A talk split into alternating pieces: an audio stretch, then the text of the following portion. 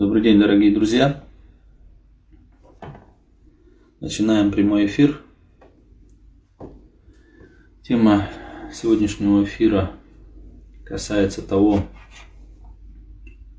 так скажем, настроя человека, вообще его правильное воспринятие этого мира лично для себя. И как нам правильно, так скажем, направлять и использовать многие чувства, потому что от направления этих чувств, то есть в зависимости, куда мы их направляем, зависит, конечно, и, так скажем, счастье человека, то есть его вот это состояние. Так, вижу, потихонечку народ присоединяется. Всех еще раз приветствую. Ну, так как заранее были, было объявлено время эфира, наверное, потихонечку начнем. То есть э, в этой мирской жизни, да, так скажем, в этом мире, самым счастливым является тот человек, который воспринимает этот мир, э, можно сказать, как некую гостиницу и поступает в соответствии с этим. То есть, что это значит? То есть, э, явно, да, то есть мы сюда пришли не по своей воле и, не, скорее всего, не по своей воле уйдем отсюда, да. Соответственно, то есть мы здесь временно, и с этой точки зрения реально можно сказать, что этот мир для нас является гостиницей. И вот э, очень хорошее, так скажем, вот это вот уподобление этого мира гостиницы. Ведь э, если подумать, если вы куда-то едете да, и останавливаетесь в какой-либо гостинице, то, соответственно, э, то есть поведение ваше, оно будет зависеть как раз от этого. То есть очень будет глупо, если вы, приехав в какую-либо гостиницу, начнете, к примеру, вмешиваться в дела этой гостиницы, да, там, в управление этой гостиницы. Или потом э, начнете там обосновываться, как будто вы там останетесь навсегда. Или если вы начнете, не знаю, там, делать ремонт в этой, в этой комнате, в которой вы там остались, там в номере, да, и так далее. То есть вот такое поведение, оно явно будет выглядеть очень странным, да, как э, когда-то, так скажем, люди жили очень долго на земле, и э, один из пророков, который жил очень продолжительную жизнь, э, и он не строил даже себе особо, так скажем, какого-то дома, а жил там в таком можно сказать, в шалаше. И когда один из ангелов, отправленный Всевышним, спросил его, а почему ты не, не строишь себе нормальный дом? Он сказал, «Ну, мы же временно в этом мире, то есть какой смысл там строить какой-то. И тогда ангел сказал, говорит, что перед концом света, да, то есть в последние времена, люди будут жить там по 60, по 70 лет и будут строить себе там каменные хоромы, каменные дома и так далее. На что этот пророк ответил, что если бы я столько жил, то я бы, говорит, земного поклона, то есть всю жизнь бы провел только в поклонении Всевышнему. То есть какой смысл так привязываться к этому миру. То есть и это факт, и этот факт еще подкрепляется тем, что каждый из нас э, смертен внезапно. То есть никто не знает, когда закончится наша жизнь, в какой момент мы покинем сей мир, то есть нам скажут, все, выселяйтесь без вещей и отправляйтесь в какую-то дорогу, так скажем. Поэтому самый счастливый человек это тот, который действительно воспринимает этот мир, эту жизнь, можно сказать, как некую гостиницу, и в соответствии с этим действует. Да? И благодаря такому пониманию человек очень быстро достигнет как бы самой высокой степени перед Всевышним, так как он не будет свою жизнь тратить реально на бесполезные, никчемные, ненужные вещи.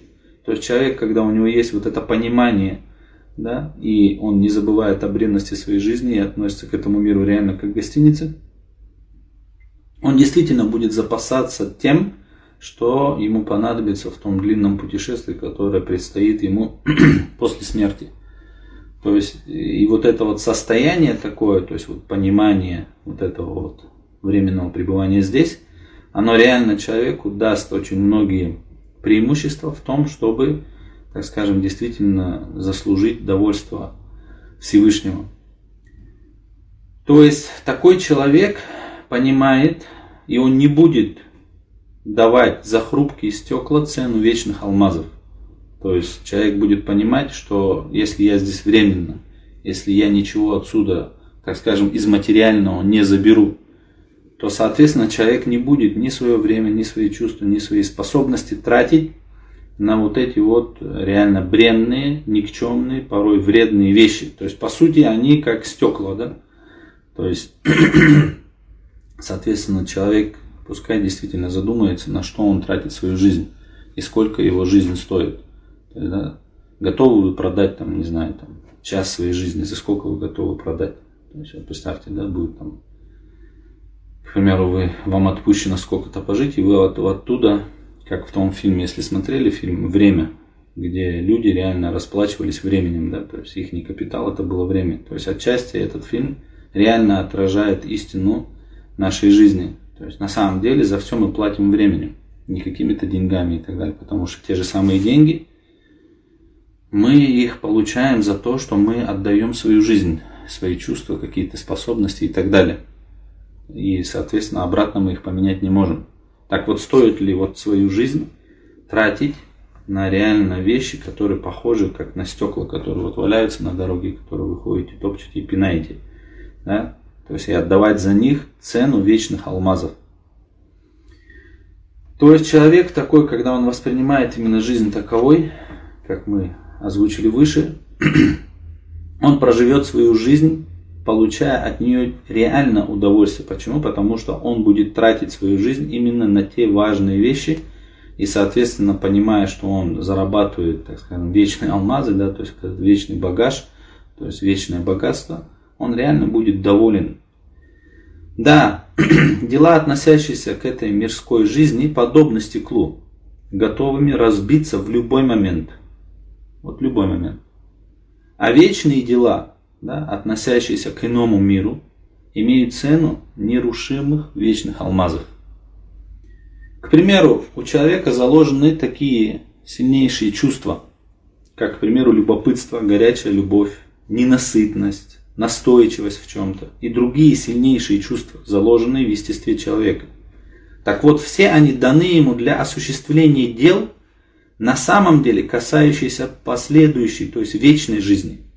Настойчивое направление вот этих чувств на бренные мирские дела будет означать, что за хрупкие и временные стеклышки была дана цена вечных алмазов. То есть человек, представьте свою жизнь, свои вот эти чувства, способности, вот эти сильные, сильные такие, скажем, эмоции, направляя на эту мирскую жизнь, на какие-то бренные мирские дела, он реально как бы отдает цену алмазов за стекла. В связи с этим я вспомнил один момент, о котором сейчас расскажу.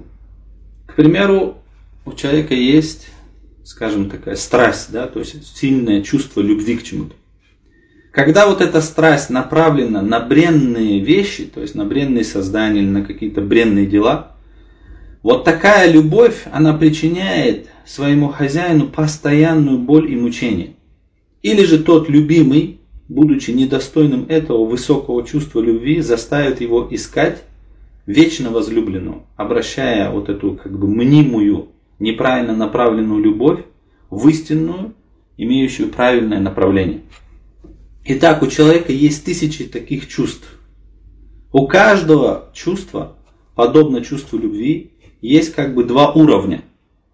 Один уровень мнимый, то есть ложный, имеющий неправильное направление. Другой истинный, направленный, так скажем, в нужном русле.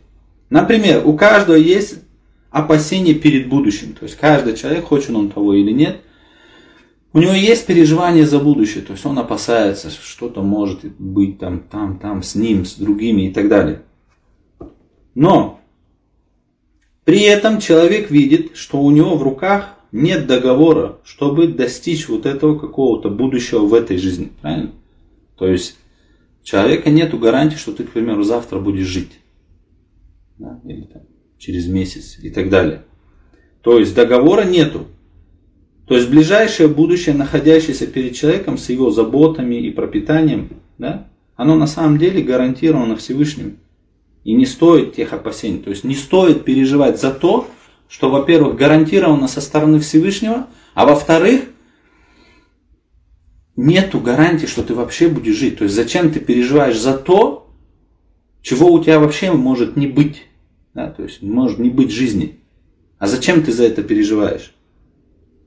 А вот то, что будет как раз после смерти, вот то истинное будущее, вот это сто процентов тебе гарантировано. То есть то, что будет смерть, это сто процентов каждый человек вкусит ее, да, так скажем. И то, что у тебя есть вот эта вечная жизнь после смерти, вот это действительно то будущее, о котором стоит переживать и о котором стоит заботиться и направлять туда вот это свое беспокойство. То есть, отвернувшись от этого, да, то есть вот этого беспокойства в отношении к этому, к этому миру, он обратится к истинному будущему, которое наступит после вхождения как бы в могилу, в бесконечному, но не гарантированному, конечно, для беспечных вечному миру. Да? Также, к примеру, человек проявляет жадность и стремление к богатству и какому-то высокому положению, да, то есть карьеру строит и так далее. Но он видит, что это богатство, веренное ему на время, это губительная какая-то слава, да, очень проблематичная. Это положение в обществе, которое опасно и приводит к лицемерию, да. То есть оно на самом деле не стоит тех усилий и оно больше приносит беспокойств и проблем человеку, чем наслаждение от этих вещей. И вот человек, который реально, а это, понимаете, вот осознать вот эту пагубность вот этих всех целей, именно возможно, когда человек осознает, что он здесь временно. Тогда он понимает, что это богатство какое- какое-то, да, что бы там ни было, автомобиль, квартира, какие-то деньги, имущество – отсюда не заберешь. То есть ты как пришел сюда, в этот мир, точно таким же образом ты отсюда уйдешь. То есть, то есть не стоит отдавать свою жизнь на то, что ты все равно отсюда с собой не заберешь. Точно так же слава, точно так же какое-то уважение людей. То есть все это до могилы. И вот человек, осозна, осознающий это, отвернувшись от этого, да, человек начинает обращаться к духовным степеням. То есть как бы приближение к Всевышнему. То есть настоящая карьера, настоящее богатство, оно находится именно в этой плоскости. То есть в плоскости приближения к Всевышнему Создателю. Что является поистине высоким положением, а также к благим деяниям, являющимся истинным богатством и пропитанием, как бы, можно сказать, как неким пропитанием мира иного. То есть настоящее богатство, да, настоящее степень, да, какая-то, какая-то карьера, она находится именно в этой плоскости. То есть, когда человек пытается заработать на вечность и приблизиться к Всевышнему. То есть, вот это то, на что стоит жадничать. Это то, на что стоит как бы потратить свою жизнь. Потому что это вечные плоды. Это вечные результаты. То есть жадность к мирскому, являющаяся дурным качеством, если человек, то есть представляете вот это чувство жадности, которое даже у мирских людей это и то как бы определяется как плохое качество, да? И оно, когда именно вот это а, мирское качество вот этой жадности, да, направлено именно на этот мир, да, и в принципе все проблемы общества человеческого, да, именно от этого, когда вот это чувство жадности человек направляет на вечные ценности, в сторону вечного мира, в сторону, в сторону, так скажем, Всевышнего Творца и строит перед ним, так скажем, свою карьеру. То есть, представляете, вот это такое некрасивое вроде бы чувство, да, превращается в очень возвышенный нрав, истинную духовную устремленность. То есть, пожалуйста, жадничай на добрые дела. Сколько бы ты ни жадничал, никаких проблем нету. А также, например, человек проявляет настойчивость в чем-то. Да? как правило, в малозначительных, приходящих, бренных делах. Он видит, что в течение года он упорствует в том, что на самом деле не стоит и одной минуты его жизни. То есть, представляете, человек порой, вот есть чувство, там упорные люди. Но если они вот это чувство, да, вот эту вот способность своего упорства вот этого направляют на эту бренную жизнь, на какие-то ненужные вот эти куцы и вещи, то просто он получается такое ценное качество, которое, как правило, наоборот будет ему вредить. Почему? Потому что с этим уперством, да, вот этим вот упрямостью своей, он будет тратить кучу времени на те вещи, которые вообще не стоят даже одной минуты его жизни. Из-за своего упрямства он упорствует еще даже во, во вредных и очень опасных вещах. То есть часто там человеку говорят реально, и он в принципе сам где-то понимает, что он занимается какими-то даже вредными вещами, опасными вещами, но из-за своей упрямости продолжает именно направлять это чувство в этом направлении.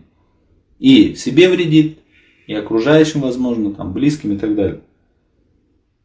То есть человек поймет, что это сильное чувство дано ему просто не для этого.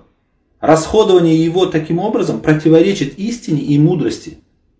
Не направляя его на пустые бренные дела, он станет проявлять настойчивость в достижении высоких, вечных истин веры и познания основ как бы приближения к Всевышнему, в служении ценностям будущей вечной жизни.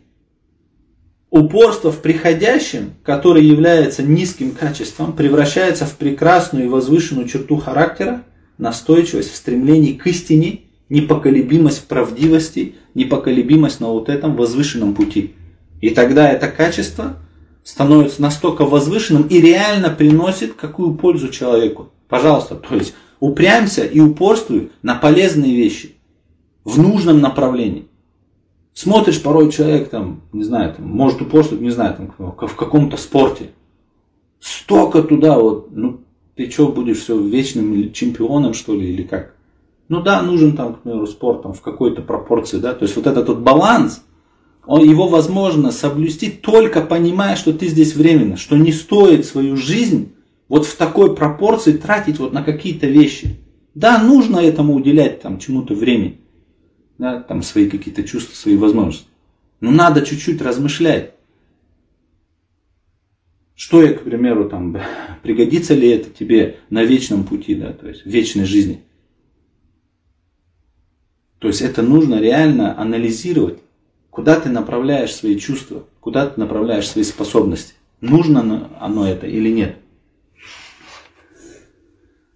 Так вот, итак, если человек, подобный этим примерам, которые мы привели, данные ему вот эти духовные инструменты, чувства, какие-то способности будет использовать ради страстей, да, своих страстей каких-то, слепых, которые не видят итогов, мирской жизни и будет жить в беспечности, словно останется в этом мире навечно, то это приведет его к безнравственности, во-первых, к расточительству и бессмысленности.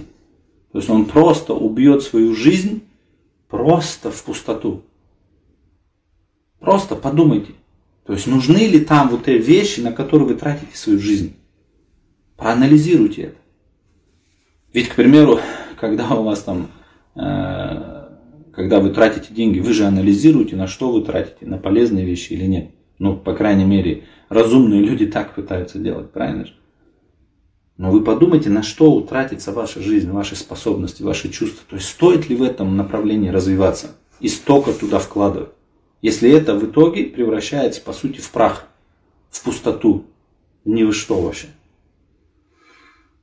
Так вот, если, говорит, к мирским делам он будет относиться, проявляя свои неглубокие чувства, то есть заниматься нужно, конечно, мирскими делами, там работать тем, тем, тем, тем, тем, но не нужно направлять на эти вещи вот эти сильнейшие свои способности, сильнейшие, да, то есть не в той пропорции нужно тратить свою жизнь на вот эти вещи.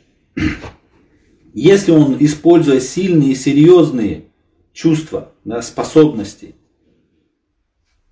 на вечные, да, на духовные вещи, то это станет основой его высокой нравственности. И его действие в соответствии с мудростью и истиной приведет к счастью в обоих мирах. То есть человек и в этом мире будет счастлив, и в ином мире будет счастлив.